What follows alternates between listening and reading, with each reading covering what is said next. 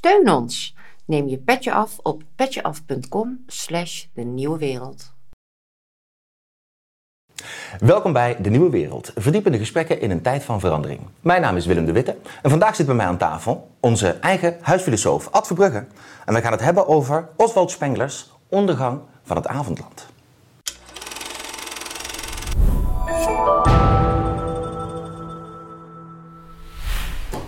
Ad, Willem. Ik zou je bijna welkom heten, maar goed, we zijn in jouw Ja, studio, dus daarom. dat gaan we maar niet doen. Leuk dat we hier zijn. We Ja. hebben één keer eerder bij elkaar aan tafel gezeten. Ja, zeker. Ging het over een andere filosofische held van jou, Aristoteles. Aristoteles. Ja. Vandaag gaan we eh, zo'n 2,5 millennium eh, vooruit in de tijd. Gaan we het hebben over Oswald Spengler. Ja. Een andere denker die jou al geruime tijd bezighoudt. Waar ik jou over heb horen doseren. Ja. En waar je met ongelooflijk vurig over kan eh, vertellen. Hopelijk gaan we iets daarvan vandaag ook meemaken. Ehm, Ad, Oswald Spengler, De Ondergang van het Avondland. Jij hebt ook aan de wieg gestaan van een hele mooie vertaling van dat boek in Ja. 2017. Met eh, Mark Wildschut, die ja. zit hier ook regelmatig onze, eigen, onze eigen Mark, een goede vriend van mij. Dus eh, een prachtige vertaling. Hele mooie vertaling van Ja. een, denk ik, onderbelicht boek over het Ja. heel genomen in de geschiedenis van de filosofie. Ik denk dat als jij student eh wijsbegeerte bent in Nederland eh, en jij eh, Ja. bent geïnteresseerd in die uh, interbellumperiode, dan is Spengler niet de eerste naam die je tegen zou komen. Nee. Ik vraag me af, wie is Oswald Spengler? Kan je misschien iets vertellen over de man, zijn tijdsgevricht en over waarom we eigenlijk zo weinig horen van Spengler als filosoof? Want hij heeft wat belangrijke dingen gezegd. Ja, zeker. Ehm, ja, Spengler eh, leefde van eh, 1880 tot eh, 1936. Ehm, het was iemand die eigenlijk een heel eigen pad is gegaan, ook eh, academisch. Eh, hij heeft een eh, technische achtergrond, maar toch ook veel in, in de klassieke wereld en geschiedenis gedaan. Ehm, uiteindelijk, ehm, eh, dankzij de erfenis van zijn eh, vader, kon hij vanaf eh, nou ja, ongeveer 30-jarige leeftijd, denk ik, zijn leven volledig wi- wijden aan ehm, eh, studeren. Hij had tegelijkertijd toch politieke ambities. Dus het is een hele, wat dat betreft, complexe persoonlijkheid. Hij voelde voor de Eerste Wereldoorlog eigenlijk dat de 20e eeuw in het teken zou komen te staan van, van oorlog. Eh, dat daar de, de, de, de, de, strijd der staten zou gaan plaatsvinden. En dat vervoelde hij ook al voor de Eerste Wereldoorlog. Ehm, tegelijkertijd zag hij hoe eh, Duitsland zelf eigenlijk eh, worstelde met democratie. En ehm, hij is een, ehm, nou ja, nog een criticaster van met name de parlementaire of partijpolitieke demo- democratie. Ehm, en hij meende dat hij daar een traktaat voor moest schrijven, wat hij ook eh, nou ja, cultuurfilosofisch zou onderbouwen. Ehm, eh, zijn inspiratiebron, eh, denk ik, grote lijnen is. ehm, of zijn, zijn vele lijnen, maar Goethe is heel belangrijk geweest. Nietzsche is heel invloedrijk geweest. Maar ik denk nog, de belangrijkste is misschien wel Heracleitos. Eh, de, de, de Griekse denker. Hij heeft ook zijn, proefschrift, dat overigens is afgewezen destijds, aan eh Heracleitos eh, gewijd. Een hele ja, bijzondere interpretatie. Eigenzinnig. Ik zeg ook al, hij is echt een eigenzinnige denker. En ehm, eh, nou, van, van, met, met die invloeden, dus Nietzsche, Goethe, kunnen we het zo over hebben, en ehm eh, Heracleitos, is die aan een, ehm, een project begonnen waarin hij wilde laten zien hoe ehm, ja, de, de, de, de huidige politieke situatie begrepen moet worden vanuit de hele ontwikkeling van de westerse cultuur. Ehm, en die ontwikkeling eh, kon weer begrepen worden vanuit, dat is zijn grote eh, centrale these, de gedachte van de ontwikkeling van hoogculturen, hoge cultuur. Precies. En die hebben een bepaald patroon volgen. En eh, zijn mening eh, was dus dat, dat eh, als je dat patroon doorhebt, dat je ook kunt zien waar wij nu zitten in, eh, als eh, avondland, hè, als het Westen.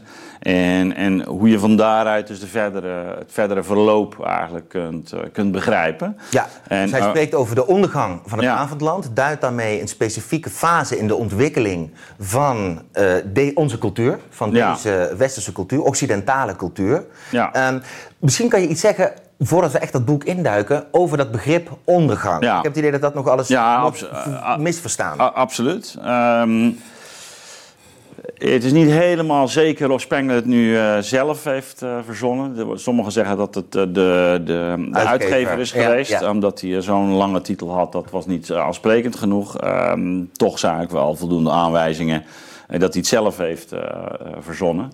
Hij refereert in de inleiding al aan die titel, die, die hem al in, in 1910, 1911 zo voor de geest zweefde.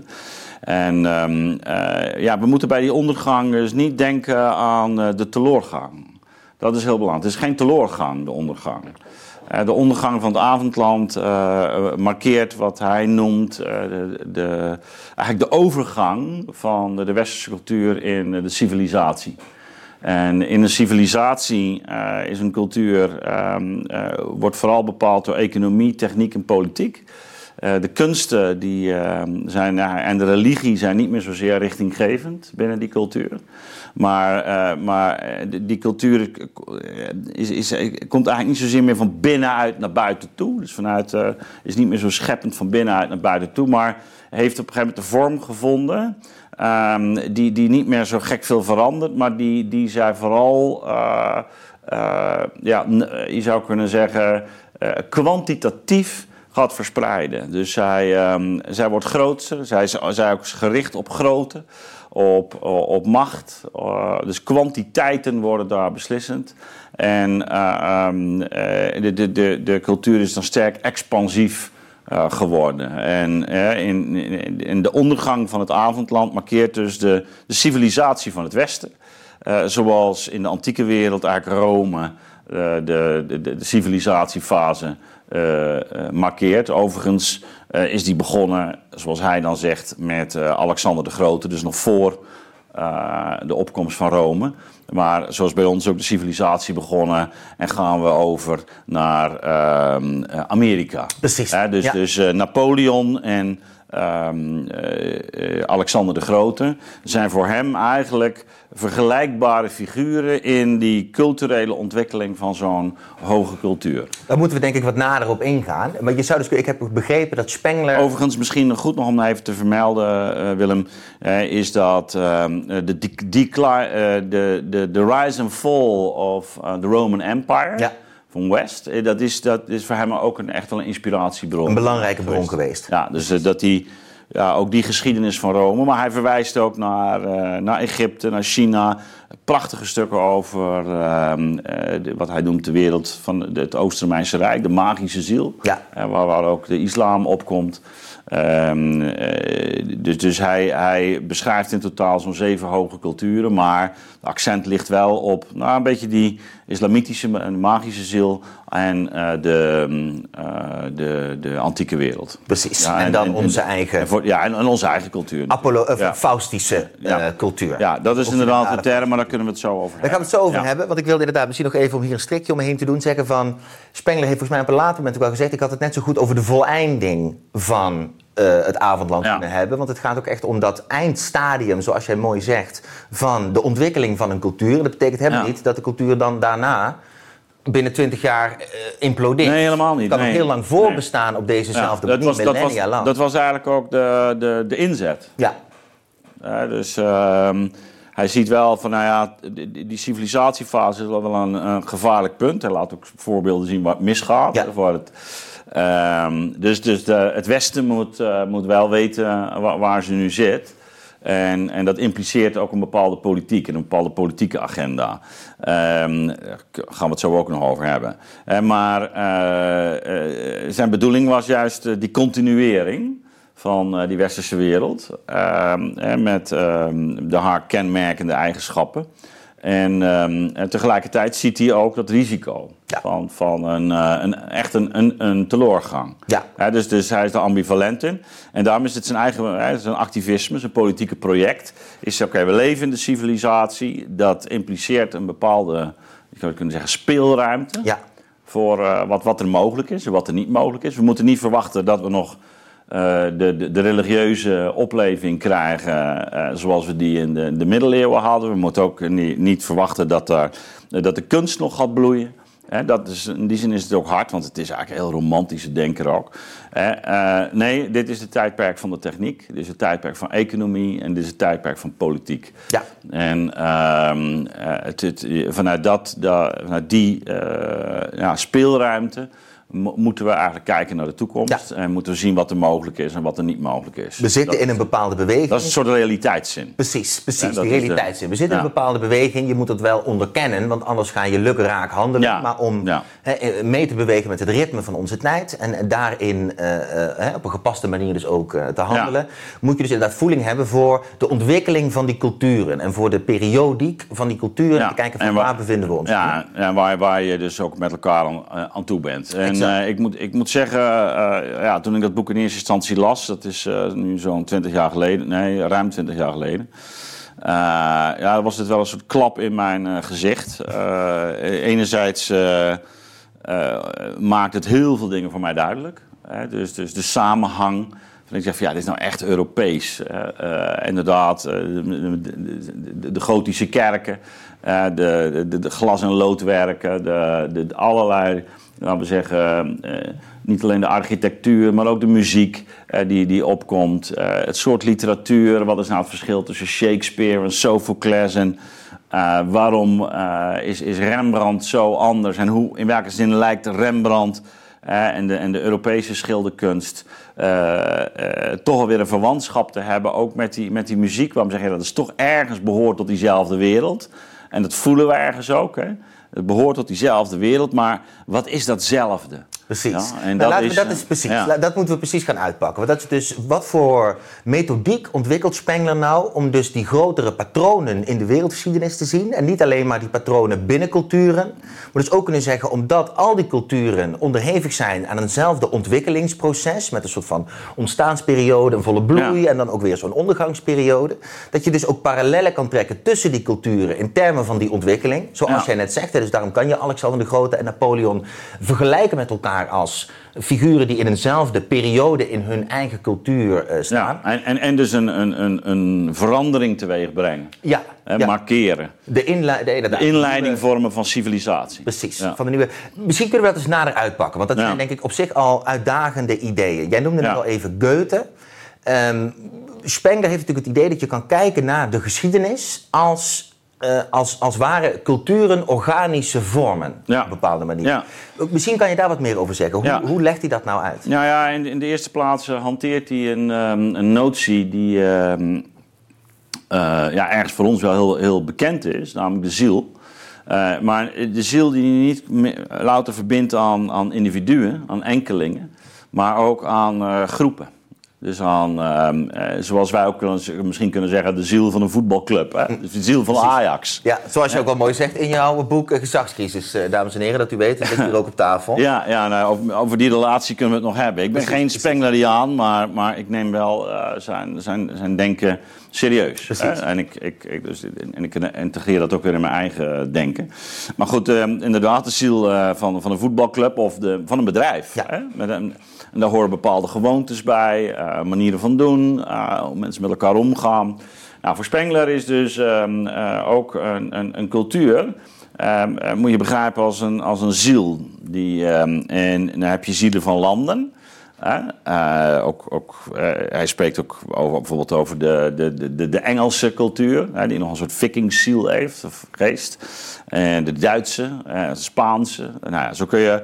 Maar die, die hebben toch ehm, eh, allemaal wat gemeen. En de, de ziel van zo'n landschap, zo'n gebied, die, die, die collectief is, ehm, die, die wordt gekenmerkt door een, je zou kunnen zeggen, een, een, een- eigen ja, richting, een eigen, eh, ook wat hij noemt oersymbool, eh, waar ze zich op oriënteert. En ehm, die ziel die, die, die drukt zich dan uit in vooral een verhouding tot ruimte en tijd. Ja, en dat is niet zo vreemd. Hè? Als, je, als ik eh, vroeger als kind al. eh, eh, ik ben opgegroeid in Zeeuws-Vlaanderen. Als we dan de grens overgingen. Dan zat je meteen naar het landschap te kijken. Van het verandert hier in België. Ja. En die huizen zijn anders. En eh, ja, wat is dat? Nou, dat voorspellen is dat daar drukt een, en in dit geval de Vlaamse ziel zich uit, die onderscheiden is van de Zeeuwse of de Nederlandse uh, ziel. Dus dat is een, je ziet het in ruimte en tijd, de, de omgang met ruimte. Dus de, de, inrichting, het soort huizenbouw. Uh, uh, en ook een verhouding tot uh, ja, de, de, de, tijd. Kunnen we het dadelijk nog ja. wel over, over hebben. Nou, die, um, nou is ook het idee dat niet alleen de landen dus verschillen. Hè? Denk maar verschil tussen Duitsland, Nederland, Frankrijk. Gewoon infrastructuur, ruimte. Hoe gaan we met de ruimte om? Hoe bewegen we in die ruimte? Ja? Um, dat, dat, dat, en dat sloot weer heel mooi aan bij mijn oorspronkelijke project wat ik had ontwikkeld rond ethos. ethos zowel als houding, als habitus, als habitat. de woonplaats, dus de gewoontes en de woonplaats. Nou, dat herkende ik bij Spengler. En dan gaat je hart altijd al sneller kloppen natuurlijk. Ik ah ja, dat, dat zie, zo ziet hij dat ook. Ja. Dus, dus, en ik had dat min of meer zelf ontwikkeld in uh, de, mijn, mijn proefschrift De Verwaarlozing van het Zijnde. In dialoog met Heidegger. Ja, in dialoog met Heidegger. Gebruik het van Aristoteles. En juist op die, zeg maar, die, die wederkerigheid habitus habitat uh, gewezen. Nou, Spengler die, die duidt dat eigenlijk vanuit dat idee van zo'n ziel die tot uitdrukking komt. Ja, en, um, en ook collectief. En dat was voor mij ook een, een belangrijk uh, nieuw element. Dus, dus je, eh, we herkennen natuurlijk allemaal wel, als je bij iemand op een kamer komt, eh, zelfs deze ruimte, dat drukt natuurlijk ook een bepaalde ja, persoonlijkheid zichzelf in uit. Uh, maar zo is dat in mijn volk, maar zo is het eigenlijk ook bij zo'n hoogcultuur. En het, en het idee is dan uh, dat, dat dus die collectieve ziel, dat die ook een eigen ja, ontwikkelingsgang kent. Die ontvouwt zich op een bepaalde manier. Hè? Zoals een, een leven zich ook op, uh, ontvouwt. En Spengler denkt dan heel organisch. Um, en daar is ook uh, Goethe belangrijk. Want hij zegt, ja, je kunt dus... Ja, dus net zoals we bij mensen spreken over de jeugd, de adolescentie, volwassenheid, de ouderdom... of bij de seizoenen over lente, zomer, herfst en winter... zo kun je eigenlijk ook over die culturen spreken dat is ook wat, wat Amerikanen zeggen van Europa. een soort oude, een oude wereld. In Europa is een oude ziel aanwezig. En in China is ergens ook een oude, oude ziel. En zo heb je ook een, meer een jonge uh, ziel. Die, die, uh, en, en, en ten tijde van de gotiek is, is voor Spengler zien we hoe dat avondland, dat westen opkomt. Dat is een soort met, met de onbezonnenheid met de, uh, ook met de eigen dwaasheid en, verdwazing, met de religieuze beelden, met enorme, bijna visionaire uh, ideeën. Dus hij, hij refereert aan uh, um, de, de, de, monnik um, Joachim van Fiore, die, die spreekt over over het derde rijk wat komt. Dat is niet het, niet de nazi's derde rijk, maar het rijk van de Vader, de Zoon, maar nu de rijk van de Heilige Geest. En daarmee ontstaat eigenlijk al een, een, een, idee bij Joachim van Fiore van een... Ja, we zijn nu eh, in, in aangekomen en hij, hij voelt als het ware die geboorte van die, van die nieuwe wereld, die, die gotische wereld. Een nieuwe ziel ook. Uh, ja, een ziel die eigenlijk opkomt. Ja. En hij voelt uh, ja, dat dat iets anders wordt. En hij verbindt dat dan aan de Bijbel. Het Rijk van de Vader is het Oude Testament, van de Zoon is het Nieuwe Testament. En de Geest, dat is nu uh, van, de, van de katholieke kerk, die, die zich als gemeentezaak en, en, in die wereld eigenlijk ja, bijna het rijk, het rijk op aarde gaat maken. Dus het is ook het idee van de, van de volheid van de tijd, de volleinding van de tijd. Nou, daar zie je alle typische faustische manieren om met geschiedenis om te gaan. Voortdurend denken in uh, dat de eigen tijd die van de volleinding wordt. Uh, de Grieken keken altijd terug. Dat is, uh, vroeger was het alles beter. Nou, misschien moeten we dat inderdaad wat nader uitpakken. Want je had het net al even over dat verschil tussen die Faustische ziel, dus echt dat Occidentale, dat is onze bele beleving en ontwikkeling. Dan heb je inderdaad dat, hij onderscheidt de magische, daar had je het al even over. Dat is ook het meer het Midden-Oosten, maar ook het Jodendom en die tradities gaat hij daaronder. En dan heb je de Apollonische. Dat gaat Ja, de verder. Apollinische ziel. Precies, de, Ja. de antieke, de, de Romeinen, de Grieken. Ja, dus hier komen eigenlijk op een heel belangrijk punt. Hè. Hij zegt, eh, ja, dus, zo'n co- collectieve cultuur, ehm, die wordt gedragen door een oersymbool. En ehm, eh, die heeft dus een, eh, of heeft een eigen ziel met een eigen oersymbool. En zo onderscheidt hij dan de, de, de Faustische ziel, de, de magische ziel en eh, de Apollinische ziel. Nou, hij heeft het ook over de Egyptenaren. Ook, maar goed, laten we niet alles erbij halen, Nee, want dat wordt, wordt, eh, dan kunnen we dat tijd allemaal hebben we niet ook niet. Maar deze drie zijn denk ik wel illustratief. Ja. Ehm, hè, en die, die, die, die zielen die kennen ieder een, eh, een oersymbool. Nou, bij de, bij de, en verhouding dus tot ruimte en tijd, wat ik zo even al noemde. Ehm, nou, wat je bij de Faustische ziel tegenkomt, is eigenlijk een hele sterk richtingsgevoel. Waarbij eh, eh, dus, dus een vo- vooruitgaand, vanuit, vanuit het idee van een, ehm, eh, ja, dat, dat, hij noemt het, het het strevende ik in de oneindige ruimte. Eh, Een, een idee van dat dat ik in die ruimte komt en zich die, van die ruimte meester maakt. Ja. en, en, en eigenlijk geen grens accepteert, dus ook steeds verder gaat. Verder gaat en, en gefascineerd is door die oneindigheid. Dus zowel dat ik als die ruimte zijn onbegrensd Ja, in hun on- eigen onbegrensd en een, en een enorme drang eigenlijk, eh, een richtingsdrang. En ehm, eh, dus, dus, dus met die gotiek eh, zie je bijvoorbeeld eh, een, een nieuw soort bouwkunst ten opzichte van de Romaanse. Dus die, die, je ziet dat streven eigenlijk in die torens, in, die, in dat hoger, eh, hoger, verder.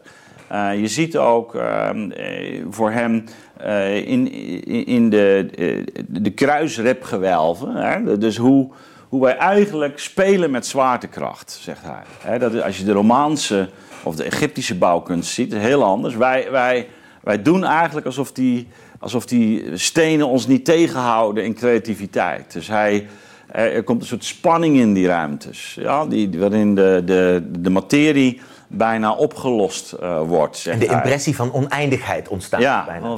in de verte, Ja, hè, want ja. dat, dat schilderde je dan ook nog de, he- de hemel in. Ja, dus je gaat als het ware zo de hemel in als je in die kerk eh, eh, staat, op die plafonds. Dat, bo- bovendien valt daar in het glas en lood eh, licht, valt daar een soort blauwe glans over alles. Die als je in zo'n kathedraal komt, en dan moet je eigenlijk moet je realiseren, wij kijken naar de bruine versies. Maar dit waren natuurlijk, vroeger waren ze licht geschilderd. Hè, dus dan zie je een soort. Hij zegt, ja, dat wordt bijna als- alsof de, de materialiteit wordt, wordt opgelost. Dus je komt in een soort sferische ruimte. Nou, die, dat ziet hij ook weer in, in, bijvoorbeeld in de, in de schilderkunst. Hoe ehm, eh, wanneer wij in de Renaissance eh, zogenaamd teruggrijpen op de Griekse oudheid, zegt hij, dan is dat precies ook het moment waarop wij. ehm, eh, de, de, het, het, het verdwijnpunt introduceren. eh, binnen het het perspectief. Ja. in het perspectief tekenen en schilderen. Ja.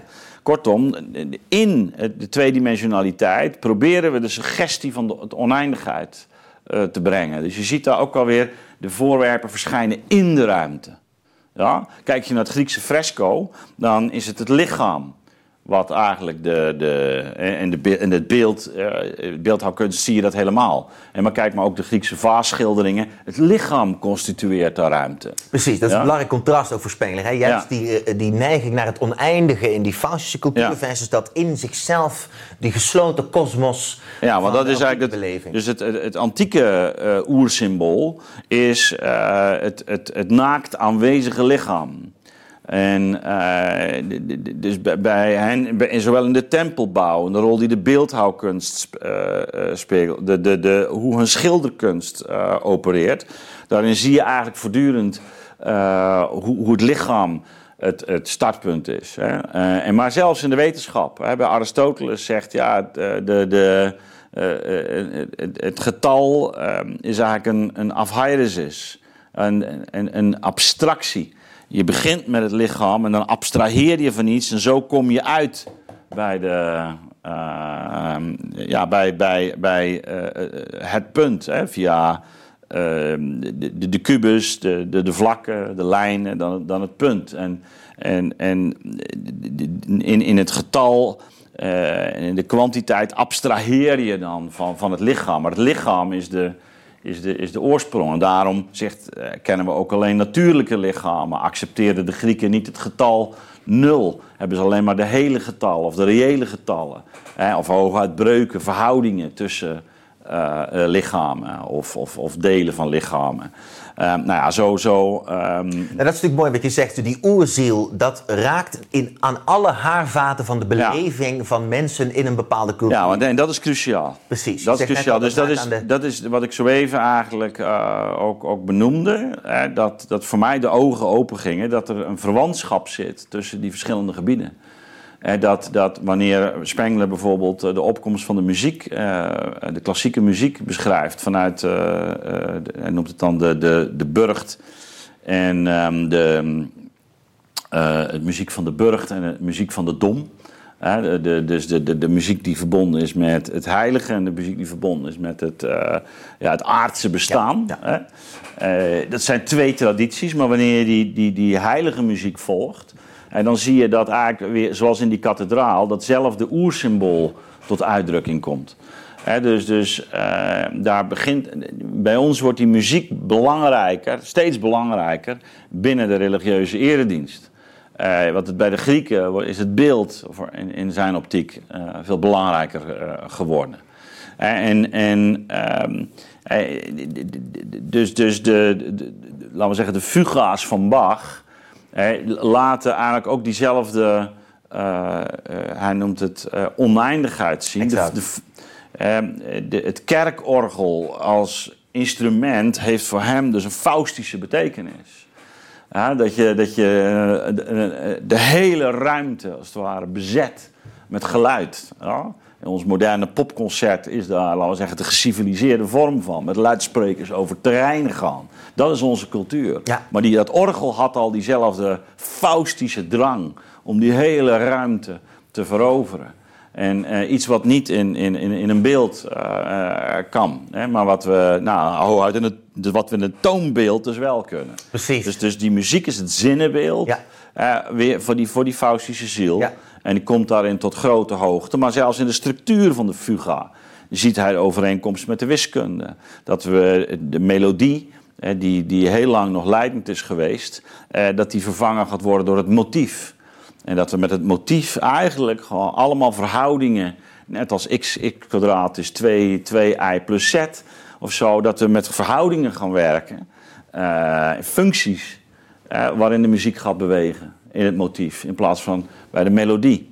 En nou ja, goed, zo, zo kun je eindeloos eh, zien, hoe, en, dat vond ik uitermate intrigerend, hè, hoe, hoe dus op al die terreinen van architectuur, religie, maar ook in politieke zin, daar gaan we het dadelijk over hebben, eh, in onze moraal, in, in, in, in onze kunsten, eh, in ons rechtssysteem, eigenlijk zo'nzelfde, ja, je kan zeggen, oergevoel tot uitdrukking komt. Net als bij die, die huizen waar we het over hebben. Zeggen we, nou, zo doen wij dat. Dat is, dat, dat is hoe wij, waar wij ons thuis voelen. En dat symbool geeft eigenlijk aan, net als bij dat huis, dat we- wij ons thuis eh, voelen. Hoe, hoe we ons kunnen beschermen tegen de, eh, de, de, de, de duistere vergankelijkheid van eh, de wereld waar we ons in bevinden. Dus dat oersymbool geeft een bepaald soort Oriëntatie. rust, oriëntatie. Ja, ja. Nou, je maakte zelf al mooi het ezelsbruggetje, inderdaad. We hebben een aantal van die deelgebieden waarop diezelfde, dat oersymbool tot uitdrukking komt, heb je al heel mooi beschreven, ook in hun samenhang Ja, dat is vooral ook in deel 1. Hè? Dus in deel 1 eh, behandelt hij ook eh, een heel groot deel van eh, de, de kunsten uit verschillende culturen. Ja. En dat, is, dat staat daar echt, gaat over toneel, gaat over schilderkunst, gaat over muziek. Olie, schilder, inderdaad, olieverf. Ja. Ik bedoel, het zijn Ja. schitterende verhoudingen. Hij Pra- pra- over de kleuren. Dus, dus, Precies. dus ook hoe, hoe Rembrandt dus, eh, zo schildert dat eh, de, de figuren dus eh, eh, tevoorschijn komen vanuit de ruimte. Ja. Daar zien we dezelfde rol van het licht. En net als in dat glas en lood. Dus dat, dat, dat ze ja, eh, dus vanuit die ruimte verschijnen. Hè? Denk maar aan de nachtwacht. Ja. Vanuit de dynam- dynamische ruimte verschijnen ze. Maar, maar ik gaf, geef mijn studenten altijd het voorbeeld van... eh, eh, kijk naar eh, Star Trek.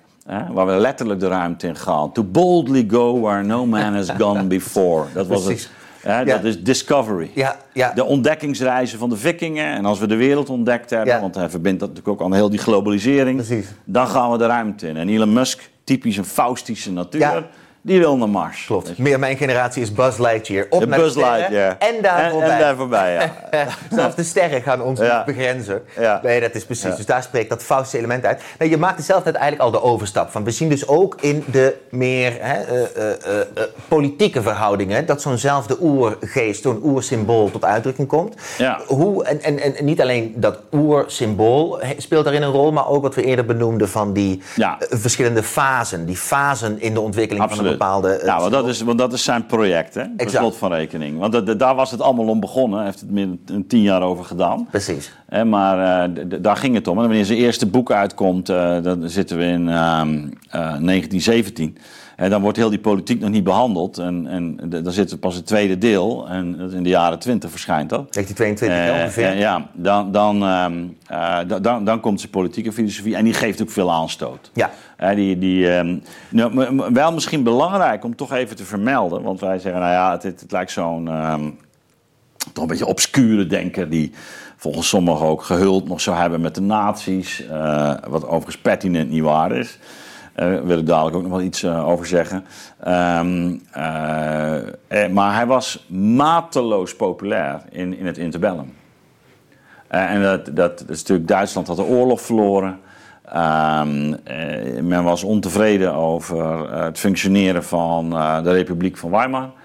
Ehm, je, je, het was een enorm politiek eh, eh, onrust. Ehm, eh, de putsch, ook, ook, De kappoets. ja, maar we hebben natuurlijk ook zowel communistische zijde als...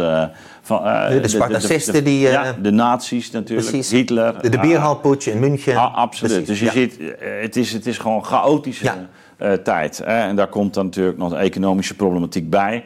Uiteindelijk eh, de grote herstelbetalingen, uiteindelijk nog de beurskracht. Nou, we kennen het hele verhaal naar de jaren 30. Omnicrisis Dus de, in de, in de de- Weimar-tijd. eh, ja. absoluut. Vooral En, in de ehm, vroege periode tot aan 1923 is het Ja. een echt grote crisis. Dus als dat tweede boek uitkomt in 1922 is Dan- het nog volop. Die hyperinflatie is aan het toeslaan. Eh, Het is a- a- echt, absoluut. Dus, dus, dus zijn boek komt wat dat betreft ook uit op een moment waarin het... eh, Die oh, dat, dat, Dat is die- zo neemt men het dan voelbaar. ook. Hè? Dus, maar maar ja, er zijn er honderdduizenden van verkocht. Ja. Ja, dus, dus hij is vanaf dat moment ook eh, ja, eh, een gevierde man in, in Duitsland. Eh, hij kan overal lezingen geven. Hij wordt ook uitgenodigd om hoogleraar te worden op verschillende prestigieuze plaatsen. Maar dat weigert hij pertinent. Heeft, altijd, heeft ook te maken met zijn scherpe analyse over wat een, academie, wat een academie is. Dat is eigenlijk niet de, de echte wereld voor hem, niet de praktische wereld. Eh, Al onzield. ja. Dus ook, hè? ja, Op zijn, eh, dus, dus eh, hij blijft gewoon, wat het, zoals in Duitsland wordt genoemd, een vrije schriftsteller, een vrije denker. Vrije, vrije schrijver. En nou ja, dat, dat is deel, deel 1. Deel 2 is, dat is, betreft dus dat politiek komt in 22 uit. En eh, ja, dat, daar schetst hij eigenlijk ook het eigen karakter, zowel van de moraal van het avondland als de, de, de, de politiek. En, en wel vanuit het idee van de historische ontwikkelingen. En, en in welke fase we dan zitten. Nou, laat ik ehm, misschien eerst iets zeggen over ehm, de, de moraal van het avondland. En eh, ja, misschien is het eigenlijk nog wel het beste dat ik daar gewoon een stukje Mooi. van, van eh, lees. ook een beetje gevoel de- krijgen Ja, voor de, ik, ik kijk, als mensen daarin geïnteresseerd zijn, dan... eh, ik, ik- het is uitgegeven in 2017 bij Boom, inderdaad, vertaald door Mark eh, Wildschut. Dat mensen En- weten, er staat ja. een linkje in de beschrijving onder En als het video. bo- als je het boek koopt, dan krijg je ook een, ehm, een, een uitvoerige link. En we kunnen we hier ook wel eh, naar eh, allerlei, allerlei korte colleges die ik daarover heb verzorgd. Dus geef ik eh, een soort bege- begeleidend... eh, paragraaf zitten er ja. uitweidingen in. Inderdaad, het is een hele ja. mooie website. Ja, het is een hele mooie website. Ja. Dat is ook uniek als project destijds. En ehm, eh, nou ja, omdat ik ook vind, ja, zo'n boek moet gewoon gelezen worden. En je moet er ook, ik, ik probeer er ook natuurlijk echt een fundamentele kritiek op te ontwikkelen. Maar, maar dan moet je het wel eerst begrijpen. Dat, dat, is, dat is heel belangrijk. Nou, dus ehm, eh, ook de moraal die belangrijk wordt voor de politiek, eh, de moraal van het avondland, eh, die, die wordt gedragen door dat oersymbool. Ja? En ehm,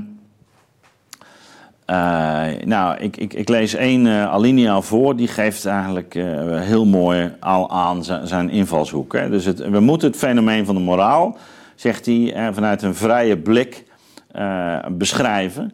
En dat betekent dat we niet al een morele positie in moeten nemen, maar moeten kijken naar wat die moraal nou doet. Dat is prachtig.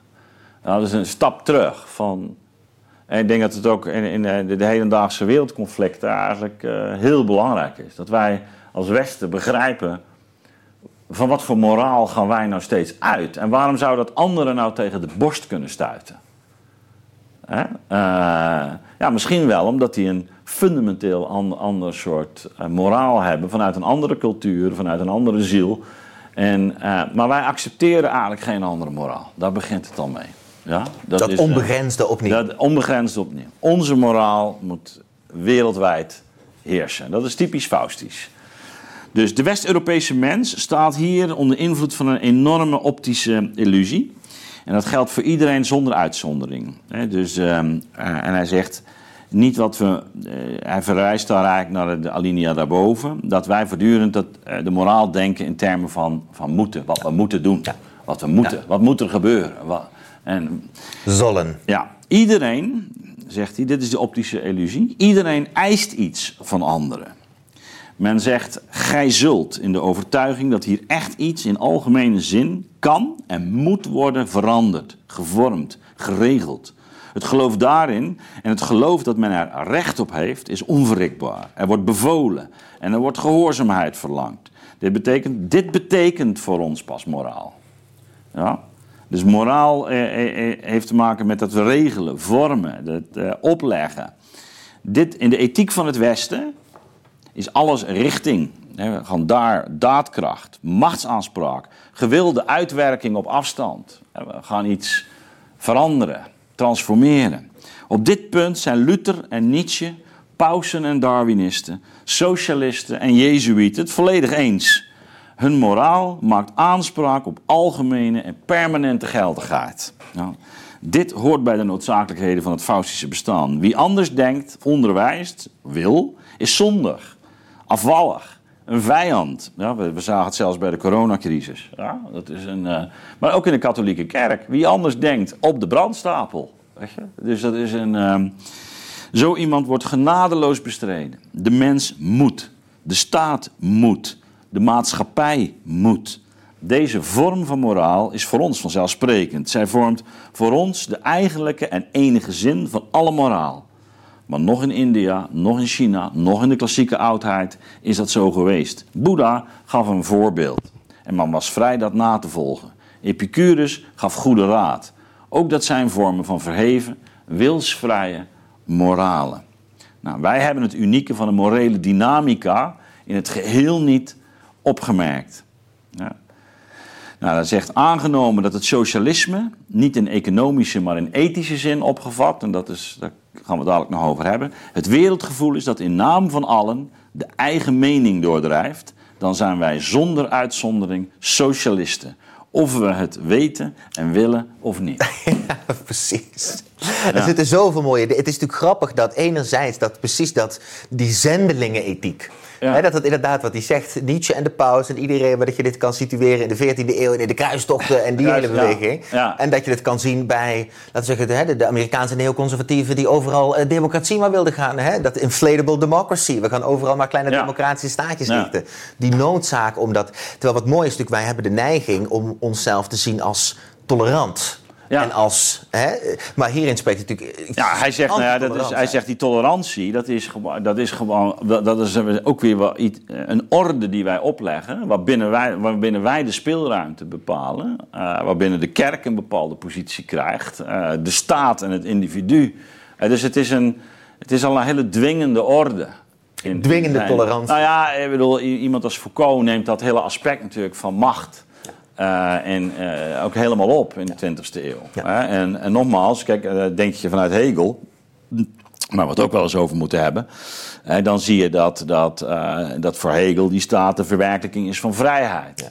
Ja. Um, dus ik denk dat er ook nog wel een ander verhaal te geven is dan dat van Spengler. Maar het is wel sterk dat, dat, je ziet, um, ook, ook heden ten dagen, hoezeer wij toch dat moeten benadrukken. En, en, die, die, en, en socialisme is dan ook, ja, het geldt voor iedereen, maar wij, wij gaan ook de wereld inrichten. En, en socialisme is dan zijn, zijn naam voor de ethiek van het avondland ten tijde van de civilisatie. Precies. Ja, want en, en, daar, en het, heeft ook een prachtige beschrijving van hoe die moraal aanvankelijk heel religieus is. denk aan uh, natuurlijk de biecht en de katholieke. En, uh, hoe die uh, wordt verinnerlijkt in het protestantisme, waarin je eigenlijk zelf je de, de wet oplegt en jezelf, wat Foucault natuurlijk ook, ook, ook oppakt, het hele idee van die zelfdisciplinering. dus die. nou, wat in de verlichting eigenlijk nog wordt, wordt doorgezet. En maar dat we uiteindelijk zullen zien in de 19e eeuw dat uh, die moraal uh, eigenlijk verplaatst raakt naar de economische verhoudingen, naar de maatschappelijke verhoudingen. Naar alle, en dat, dan, dan zegt hij, ja, dan, dan is vooral, de moraal wordt dan socialisme. en hij, hij zegt niet, nou, we moeten geen socialisme zijn. Nee, socialisme is de, is de ethiek van het avondland ten tijde van de civilisatie. Dus hij is geen antisocialist, maar hij begrijpt het socialisme op een bepaalde manier. Ja, dat, dat, dat, kom, daar kom je heel mooi terug op wat we eerder illustreerden. Hij zegt ja. van dit is gewoon de dynamiek waar we nu in zitten. Je moet daarin meebewegen, hoewel je daar kritiek Iedereen, op Het gaat gewoon over de inrichting van de wereld, zegt hij. En niet, uh, waarbij we uh, bijna de hele geschiedenis dat is, willen, willen incorporeren. Precies. Dat zien we ook nu. Hè. We, we, willen alle dingen die in het verleden hebben fout gedaan, moeten goed worden gemaakt. Uh, maar ook naar de toekomst toe. Uh, willen we voor komende generaties uh, eigenlijk uh, de, de, de, de toekomst veiligstellen en bepalen wat hier moet gebeuren. En het idee is, wij hebben gewoon gelijk. Wat wij in het Westen denken, dat is gewoon hoe het zit. Ja. Dat is de, de, de en dat, dat daar zelfs al een verschil zit met 30 jaar geleden, ma maakt eigenlijk niet uit. Wat wij nu, en, en dit gaan we, net als, net als het Derde Rijk, dit is de volleinding.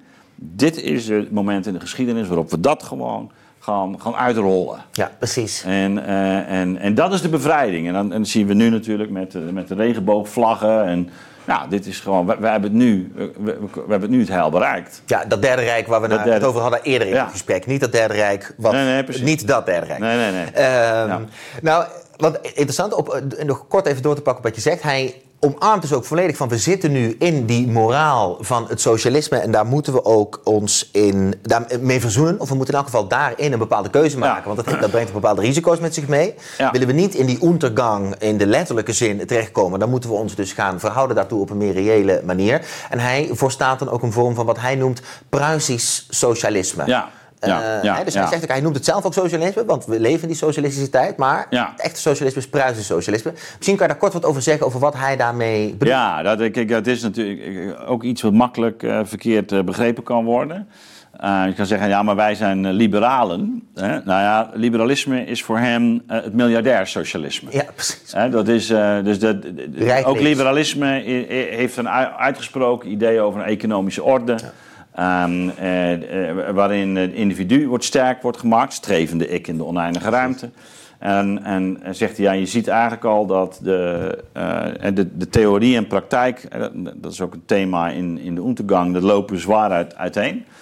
wanneer Adam Smith um, The Wealth of Nations formuleert, ja, dan formuleert hij eigenlijk de economie van met name Engeland, op, op handel gericht, op markten gericht.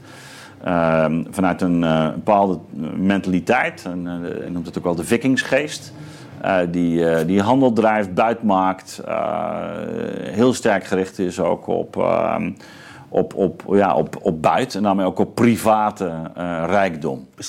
En um, hij zegt ja, en op het moment dat John Locke zijn um, de, ja, de grondslagen voor het politiek liberalisme formuleert, hè, met, met rechten die, uh, ingeboren zijn voor het individu, dan, dan, dan uh, uh, creëert hij tegelijkertijd eigenlijk een orde die in de praktijk ertoe zal leiden dat met name in Engeland de rijke aristocratie van dit liberalisme gebruik maakt om haar eigen machtspositie uh, te versterken. En ja, zelfs de, de, de staat als een instrument te hanteren voor haar eigen koloniale ambities. Dus dus de, staat wordt gewoon ingezet om, om ja, handel en rooftochten eigenlijk te, te kunnen ondernemen. Gewoon, het zijn vikingen in de tijden van de civilisatie. Dat is de, en als je vanuit dat beeld kijkt, ja, verhip, weet je wel. Dat is inderdaad, het, is ook vreemd geweest. Dat we, ja, dat deden die, die, viking ook. Die, uh, die trokken de wereld over, gingen handel drijven, wat vestigingen. En, en um, nou ja, dat, dat, dat is eigenlijk hoe hij, hoe hij laat zien. Uh, wat, wat, er met name vanuit Engeland gebeurt. Naar Frankrijk en Duitsland, naar Nederland. We hebben allemaal iets, iets andere posities. Um, maar hij zegt dus eigenlijk ook van die zogenaamde universele mensenrechten. Dat zijn meer rechten voor een bepaald soort mens. Maar niet voor. Hè, daar wordt ook een nieuw soort mens uitgevonden op een bepaalde ja. manier. Ja, nee, dus dat wordt zelf uh, in, in de praktijk heeft, heeft dat weer uh, iets als theorie en praktijk. In de praktijk gebeurt daar weer heel iets anders mee. Dat is de, dus, dus hij gelooft niet dat dat de grondslag is van exact. politiek. Het gaat exact. steeds om, uh, ook om, om een strijd die gevoerd wordt. Dat is Heraclitus. De oorlog is de vader van alle dingen. En als die strijd niet plaatsvindt uh, met, met uh, militaire middelen, dan verplaatst hij zich. Dus economie is oorlog met andere middelen. Voortgezet met andere middelen, ja, inderdaad. ja, ja. Dus, dus dat is, nou, het is oorlog met andere middelen. Ja. ja dus, dus het is een. En, en het feit dat wij dus continu ook het hebben over markten, veroveren, campagnes, de, het verslaan van de concurrent. Uh, dan zie je dat het hele oorlogsjargon eigenlijk al, ook al in die, in die economie terecht is gekomen. En um, ja, dat, dat is die faustische drang. Ja? Dus, dus big tech is typisch een voorbeeld van, laten we zeggen, faustische naturen.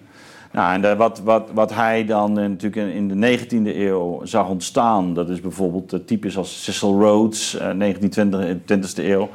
Um, maar op het, op, op, in Amerika figuren als Carnegie en zo. Dat, dus de, bij ons Fritz Philips, ja. van die grote industriëlen. Ford, Taylor. Ja, Ford. Dus, ja. dus die. die en, en het socialistische daarin is dat zij uh, hun eigen uh, wereld gaan creëren.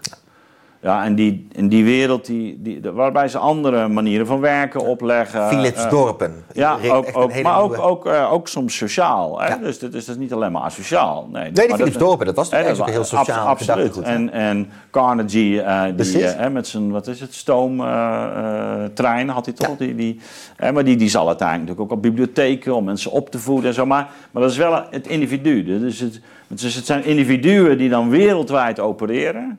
Uh, of een grote, grote gebieden onder hun uh, uh, invloed hebben. dat dat op een bepaalde manier inrichten en, en daarmee ook, ook sociaal werk verrichten. en dat noemt hij miljardairsocialisme. Dus dat is iets wat, wat hij met name dan in die Anglo-Saxische... Hij zegt niet dat die Engelsen zijn slecht, helemaal niet. Hij heeft best wel vrij veel waardering voor de, de Engelsen. Maar hij zegt nee, maar in, in Duitsland doen we dat anders. Uh, en dat heeft met, onze, met een oude traditie te maken. Bij hen zijn de vikingen maatgevend geworden. Uh, uh, ook voor de manier waarop hun adel zich heeft ontwikkeld. altijd een verzet tegen centralisme. wat je bij de vikingen al zag. iedere keer opstand. Nou, die adel die heeft eigenlijk een hele sterke positie gekregen tijdens de Glorious Revolution. Toen onze William en met William en Mary daar. De derde, de, ja. ja. en toen is ook de nieuwe grondwet geformuleerd. Uh, en die geeft het parlement eigenlijk heel veel macht. Ja. Maar dat parlement is een parlement waar uh, de aristocratische, uh, wat wij zeggen, die klassenmaatschappij in Engeland. De haute bourgeoisie, of hoe je het zou Ja, noemen. dus het is een deel van de, wat wij noemen de, de, de, de geldadel. Precies. Maar ook de, de landadel, waar ja. heel sterk nog het scepter heeft gezwaaid, lange tijd. Hè. Maar hij zegt in de 20e eeuw zul je dat ook zien eroderen. En dat is, natuurlijk, daar is natuurlijk niet meer zoveel van over. Precies. Maar nog steeds zie je dat daar, uh, laten we zeggen, uh, in de House of Lords, maar ook in, in, in Parliament, de, ja, toch wel een behoorlijk stempel wordt gedrukt door de, de gentleman en de ladies. Dus de um, ja, gentleman is natuurlijk een aristocratische. Overerving, of de, ja, de, de benaming. Ja, precies, precies. Dus, ja. dus die, de, dat is de manier waarop dat parlement eigenlijk steeds een soort aristocratische mentaliteit, een manier van denken uh, zich heeft toegeëigend. Dus dat parlement überhaupt, dat heeft al iets van ergens een, een, een, een, een klasse die uh, bevoegd is met dat, met dat regeervermogen. Ja. Ook uh, ergens overgeërfd op een bepaalde manier. Niet helemaal, maar je krijgt natuurlijk ook wel echt van die regeerdersfamilies of zo. Dat zie je Precies, steeds. families, invloedrijke families, Precies. lange tijd. En, die, en, is daar niet tegen. Hij zegt, nee, maar je hebt ook die ervaring nodig. En op het moment dat dat wegvalt dan wordt, die, dan wordt eigenlijk zo'n parlementaire omgeving ook uh, steeds problematischer. En dus, we gaan nu ook richting de afronding. Misschien ja. kunnen we toch nog even zeggen, wat onderscheidt dan dus dat Pruisisch socialisme van deze? Uh, ja, dus, dus, dus uh, wat, de, bij dat Pruisisch socialisme, de, de, daar, daarvoor um, is het toch wel belangrijk dat we even kort de geschiedenis uh, uh, benoemen. Ik zal even kijken. Ja, dus kort, wat is er dan aan de hand? Ja, je moet zeggen, in, um, in Spenglers visie uh, komt de cultuur op vanuit twee oerstanden. Ja? Dat zijn de adel en de, de, de, de klerus, de, de, de, de geestelijke. Precies. En, en die twee, die, die, nou in de middeleeuwen en de vroege middeleeuwen zie je natuurlijk de strijd uh, in Europa, want iedereen wil die ruimte beheersen. Dus dan krijg je de, de, de, ja, de investituurstrijd precies, enzovoort. Precies. Dus nou, de, uiteindelijk komt daarin, daarbinnen natie-idee op. En eh, we zien ook hoe met, met behulp van de natie-idee uh, voor een deel ook die, die, die machtsaanspraken van de katholieke kerk worden uh, onderdrukt hè, door, door koningen. Nou, die, die, die natie-idee wordt heel belangrijk, hè, want, daar ontstaan gaandeweg, eind de loop van de middeleeuwen, we beginnen daar zeg, een, na, een natiegevoel, ook bij de, bij aristocratie, waarbij recht wordt gekoppeld aan het eigen volk. Hè. Je ziet zo'n uh, idee overigens ook bij...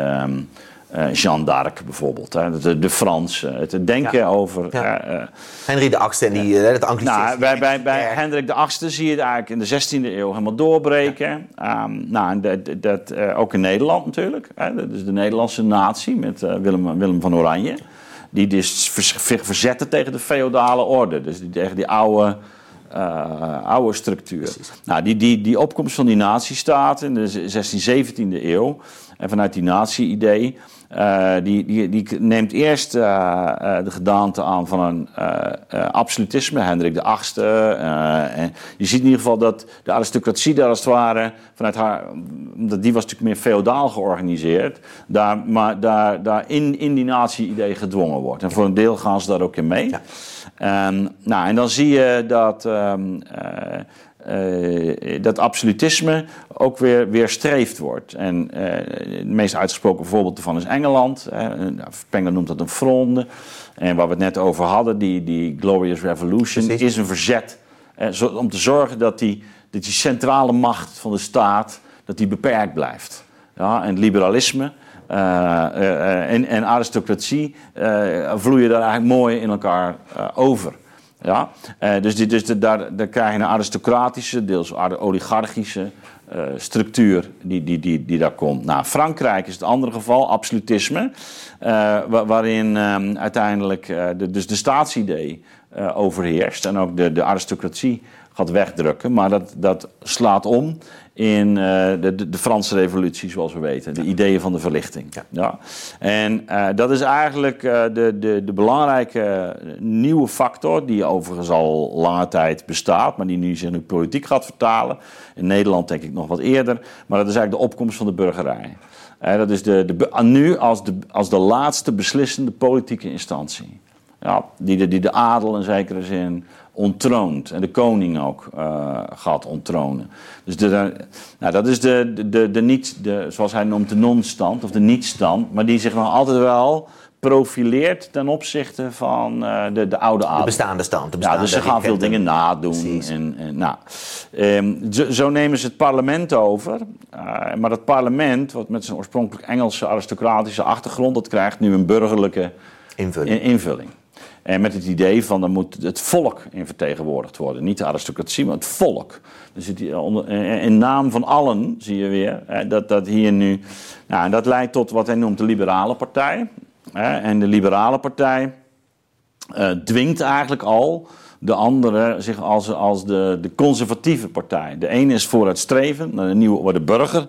En de, de vrije burger nu die politieke rechten heeft, het voor het zeggen heeft. En die verzet zich tegen de, de aristocraat uh, die uh, ja, uh, privileged is, hè, bevoorrecht is. Dus je ziet daar de, dus de, die strijd van bevoorrecht, nou, vooruitstrevend, progressief versus conservatief. Nou, die conservatieve partij die, uh, die, die, die moet zich als het ware in die parlementaire structuur gaan uh, handhaven. op gaan handhaven en, en, ook een partij worden. Ja, ja. ja en en nou, daar komt uiteindelijk een vierde stand bij. Uh, want onder invloed van wat hij zegt, de, de intelligentsia, intellectuelen, de journalisten krijg je dat die, die, die, het verlichtingsdenken eigenlijk verder wordt uitge gebreid. En dan kom je uit bij um, de, de, de, de, de, arbeidersbeweging. Ja. en die, dat is eigenlijk een geconstrueerde beweging, zegt hij. Want ja, er is een levensgroot verschil tussen een boerenknecht uh, tussen de bediende, uh, tussen de kantoorklerk uh, en um, de fabrieksarbeider. De, de, de, matroos. Ja, precies. En, en de fabrieksarbeider. Ja. Maar die worden nu allemaal als het ware bij elkaar genomen. In een abstracte in. Een, in als een klasse. Ja. Terwijl ze eigenlijk uit hele verschillende levensmilieus komen, maar antagonistisch. Ja. Dus, dus ze strijden nu tegen het kapitaal of de bourgeois. Nou, dat is een theoretische constructie, constructum, zegt hij. Maar dat kapitaal, daar heeft Spengler ook voortdurend wel een, een, probleem mee. Laat dat ook duidelijk zijn. Hè? Dus dat is een, uh, maar niettemin, uh, die strijd die, die leidt uiteindelijk dus tot, een, tot een soort driedeling. Van, pro, dus de liberalen, socialisten, beide progressief en uh, de, de conservatieve. Dat is de driedeling. Nou, wat, maar die overgang bij, bij de in, introductie van die derde partij in de mid-19e eeuw, ehm, dat, die, die noemen zich socialisten. En hij en uh, Spengler zegt, nou, dit is het type socialisme wat zich eigenlijk onder uh, Engelse condities heeft gevormd. Uh, parlementair. Par parlement, parlementair, maar ook, want, want hij, hij zegt, ja, het parlement is nog helemaal een gegeven, zegt hij in de Untergang. Maar uh, met een sterke focus ook op uh, materiële uh, goederen. Privaat. Dus, pri ja, ja, dus betere, betere betalingen. eigenlijk niet zozeer de, de eer van het werk. Ook niet zozeer de rangorde mm, mm. van het werk. maar de opbrengst. Sterk, sterk op, op de opbrengst. Ja. En hij zegt, ja, dat, dat, dat daarmee spreekt deze groep in feite al de taal van, uh, de, de, ja, van, de Engel, van, de Engel, van het Engelse buitmaken. Ja. En, van de uh, vikingen. Ja, van de, van de vikingen. Ja, en ze gaan, ze gaan wapens inzetten met stakingen. Uh, dus het, ze zitten gewoon in dezelfde... Belligerente ja, ja. dynamiek. Ja. Nou, dat Pruisisch socialisme is dan een... Um, ja, een, een, een, idee van een democratie die veel meer werkt met beroepsgroepafvaardiging. dat mensen die verstand van zaken hebben recht van spreken krijgen. Uh, uh, hij, hij, hij, hij, grijpt wat terug op Hegel daarin. Uh, maar hij zegt ja, dat is waarin allen voor allen. Waarin het niet gaat om dus die, die, je eigen welvaart en Ieder belang, voor zich, ja. maar, maar waarin je echt sociaal opereert. En hij verbindt dat met die Duitse ordegeest. Dus nou, en in het tijdperk van um, de, zeg maar de techniek. Uh, is het er hem dan om begonnen dat de arbeider, want de arbeider en de techniek horen bij elkaar. dat is de, als het ware de habitat waar deze werken allemaal met machines, zegt hij. nou, die, die moeten samen met de ondernemers uh, moeten die, en de ingenieurs, dat zijn de drie uh, fundamentele gestalten, ja. moeten die uh, optrekken. En het grote gevaar daar is de hoogfinans. Zegt de, de, de, de, de financiële wereld, de buitmakers, die, die zullen zowel dus de, het onderwijs en de kwaliteit van de ingenieurs aantasten, als de arbeiders, als ook de ondernemers. Omdat alles wordt opgekocht, wat wij noemen, nu noemen springhaankapitalisme. Dus, dat is de, ehm, dus dan krijg je dat dat eigenlijk een strijd is. En dat Pruisisch socialisme zou dan het antwoord moeten zijn op het, ja, het kapitalisme. Uh, wat, wat juist in de democratie, zegt hij, uh, enorm in de partijdemocratie, met behulp van media, een, een enorme stem krijgt. Dus dat, dat, totaal losgezogen raakt ook van enige controlerende instantie... waar het parlement eigenlijk ten opzichte van ook helemaal uh, machteloos wordt. Sterker nog, het parlement zelf is eigenlijk ook ten dienste staat. En dat is, dat is eigenlijk nu de wereldwijde situatie, zegt hij. Ja. Dus de, de, de, de, strijd in uh, de, de, de, de civilisatie wordt uiteindelijk een strijd tussen geld en politiek. Ja. En, en eh, het geld zal zich in toenemende mate meester maken van partijen. Door, door lobby's, door, uh, door netwerken, door relaties, door... Uh, en, en de idealen van de, de, de, de, de partijen zullen gaandeweg als, het ware plaatsmaken voor wat hij zegt voor de realiteit van het leven. Waarin dat geld steeds, steeds groter stempel gaat drukken. Uh, op, op, op eigenlijk de hele democratische uh, ruimte. Nou, dat is natuurlijk iets wat je bij uitstek in Amerika ziet. En daar komt zo'n walging over op, mondiaal. Hij zegt dan, ja, of mondiaal. Dus het publiek gaat eigenlijk, krijgt weerzin omdat alles wat edel is, zegt hij, door het geld buiten wordt gemaakt en geslachtofferd.